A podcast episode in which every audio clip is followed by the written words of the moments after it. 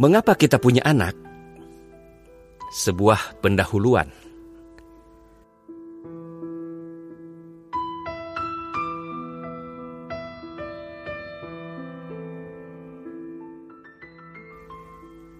Saya tergerak untuk membuat tulisan ini setelah sekilas menyaksikan film The Backup Plan yang dibintangi oleh Jennifer Lopez.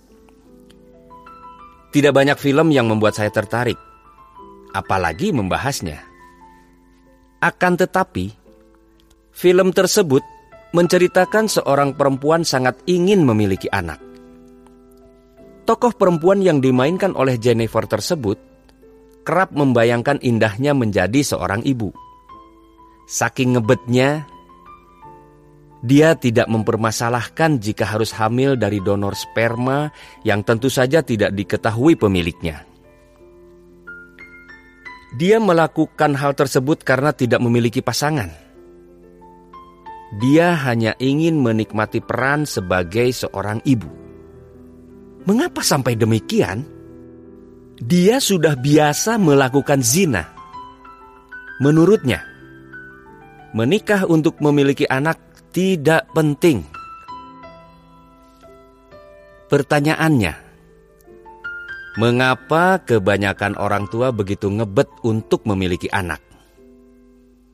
Bahkan tidak sedikit orang yang memilih proses bayi tabung seperti yang dilakukan tokoh fiktif yang diperankan oleh Jennifer Lopez tersebut. Pasangan suami istri yang sudah dikaruniai keturunan mungkin telah merasakan kebahagiaan memiliki anak.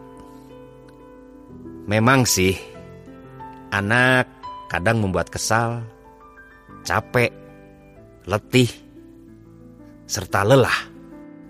Akan tetapi, di balik semua itu, sebenarnya lebih banyak hal yang menyenangkan dalam berinteraksi dengan anak anak-anak kita lebih banyak akurnya daripada berantemnya kan? Lebih banyak tidak menangisnya daripada nangisnya. Kecuali tentu saja saat sakit kan? Puluhan ribu orang tua sering saya todong pertanyaan ini.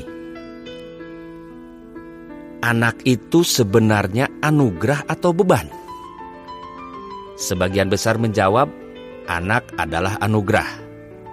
Sebagian kecil menjawab, anak adalah anugerah juga beban.